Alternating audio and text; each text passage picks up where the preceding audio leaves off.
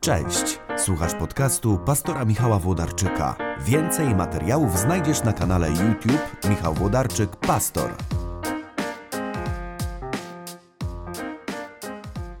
Cześć kochani, słońce pięknie nam wyszło yy, i to jest ostatni wakacyjny vlog, więc jeszcze chwila takiego pocieszenia się ładnym słońcem. Yy, dzięki za to, że spędziliśmy razem te dwa miesiące w krótkich, pięciominutowych, dziesięciominutowych czasem rozmowach o Ewangelii. Ja się bardzo cieszę. Dla mnie to jest zawsze, wiecie, taka mobilizacja do tego, żeby czytać Ewangelię z takim też tęsknotą i pragnieniem, żeby tam dostrzec jakieś nowe rzeczy. Tak już troszkę jesiennie wygląda, nie? Tak nawet nie letnie, tylko jesiennie się robi. Yy, Natomiast yy, to jest zawsze jakiegoś rodzaju mobilizacja, żeby, no żeby poszukać czegoś inspirującego, czym można się podzielić.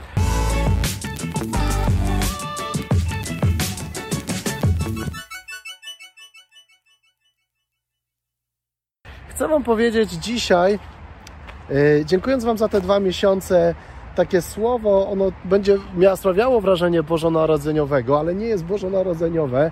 Yy, z przesłaniem nie za wszystko odpowiadasz. Też musimy wyluzować, że czasami podejmujemy złe decyzje, błędne decyzje yy, i czasami ich konsekwencje nawet nie są takie wesołe, ale nie musimy się spinać, że wiecie, że wszystko musimy przewidzieć. Nie da się wszystkiego przewidzieć i czasami nasze w dobrej wierze podejmowane decyzje yy, przynoszą bardzo bardzo niekorzystne rezultaty. A chodzi mi o fragment z Ewangelii Mateusza, drugi rozdział, kiedy tak zwani mędrcy ze wschodu, albo magowie ze wschodu, albo w tradycji nazywani trzej królowie, oni szukają nowego króla żydowskiego i idą do Heroda wypytać, gdzie jest nowo urodzony król.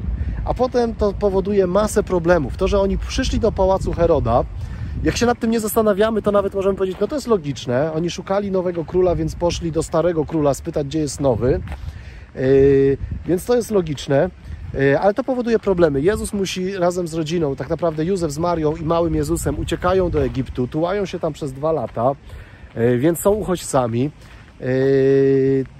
Jest rzeź w Betlejem, więc tam te matki, prawdziwe matki, prawdziwe opłakują dzieci, więc to też jest jakaś tragedia, która My tak przywykliśmy do tego słowa rzeź niewiniątek, ale tam za tym słowem stoi potężna tragedia. Wyobraźcie sobie matki, które, które tracą w, w jednej wiosce wszystkie swoje dzieci. A to całe nieszczęście i gniew Heroda spowodowali, no właśnie, mędrcy ze wschodu. I można powiedzieć mędrcy, a zachowali się tak głupio. Dlaczego? Dlatego, że to nie było oczywiste, że szukać nowego króla należy pójść do pałacu starego króla E, po pierwsze, że w tamtym czasie o władzę walczono, po drugie, Herod słynął ze złej sławy.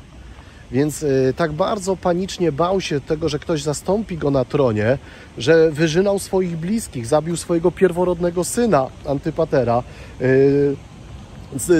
był sprawcą śmierci swojej, swojej żony, E, więc Herod był znany jako, Herod Wielki, który w tym czasie panował, był znany jako wielki okrutnik, był znany jako człowiek, który po prostu wyżyna w pień każdego, którego podejrzewa o cień zdrady albo ma ułamek procenta e, przekonania czy przeczucia, że ten człowiek może konkurować z nim o władzę.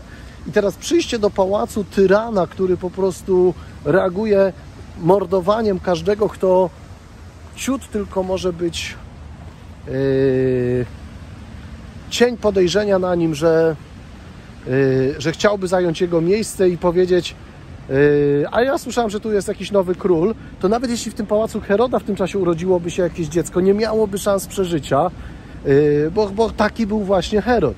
Więc najlepszym sposobem, żeby zabić człowieka, to było szepnąć w ucho Heroda, ten człowiek będzie królem po tobie.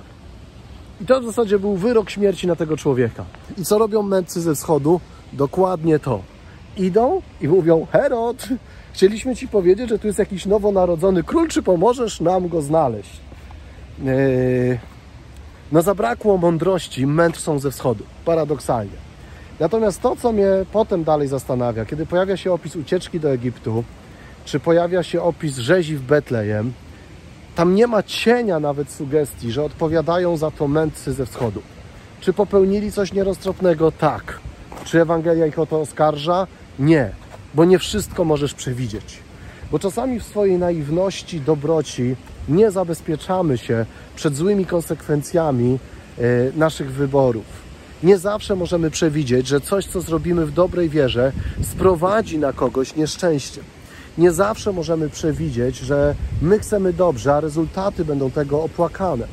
To dotyczy wielu momentów. Każdy z nas w swoim życiu znalazł taki moment, w którym, w którym się znaleźliśmy i mówiliśmy, jemy, chcieliśmy dobrze. Gdybym wiedział, że to się tak wydarzy, nigdy bym tego nie zrobił. Ale się wydarzyło. Natomiast nie musimy się spinać. Nie wszystko da się przewidzieć. Nie wszystko da się, nie wszystkiemu da się zapobiec. I czasami będziemy robić rzeczy, które będą pociągały za sobą złe konsekwencje. Tak jak mędrcy ze wschodów poszli w dobrej wierze, w naiwności, w braku wystarczającej prze, przenikliwości, to też, w braku wystarczającej przenikliwości, poszli do pałacu Heroda, yy, uruchomili lawinę jego gniewu, poszukiwań, uruchomili lawinę jego zbrodni, ale nie są za to odpowiedzialni. To były jego zbrodnie, to była jego lawina, to był jego gniew, a oni mieli prawo nie móc nawet przewidzieć, że tak to się skończy. I chcę tak sobie powiedzieć, też masz prawo czasami nie przewidzieć czegoś. Nie mówię o celowej bezmyślności, ale mówię nie wszystko, nawet jak jesteśmy bardzo staranni, nie wszystko jesteśmy w stanie przewidzieć, nie jesteśmy za wszystko odpowiedzialni. Miejcie dobre nowy rok szkolny, nowy sezon w pracy.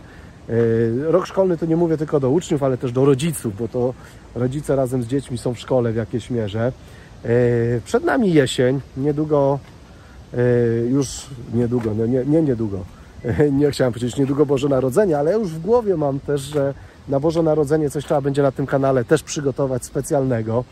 E, więc jak macie jakieś sugestie, to też dajcie znać, co można e, przygotować i upichcić dobrego na nowe narodzenie na tym kanale. Ja Wam dziękuję za wspólne dwa miesiące. Cieszę się, że mogliśmy wspólnie rozważać Ewangelię. Piękne słońce, piękna Bydgoszcz. Gorące uściski, łapcie jeszcze resztki, o, łapcie jeszcze resztki wakacyjnego słońca i dziękuję za to, że w tym wakacyjnym blogu mogliśmy troszkę razem być. Dziękuję za wszystkie Wasze lajki, za Wasze dobre komentarze, fajne reakcje. Dziękuję za udostępnienia w Waszych mediach społecznościowych tych filmów, bo za piękna jest Ewangelia, żeby ją przemilczeć więc też dobrze, kiedy możemy razem się nią dzielić i możecie mi w tym pomagać. Dziękuję też za Wasze, za tym wszystkim, którzy e, po tych vlogach dołączyli do Patronite'a e, i wspierają ten kanał swoimi finansami, bo to też jest bezcenna pomoc, która pomaga rozwijać nam właśnie ten rodzaj obecności chrześcijaństwa i ciepło.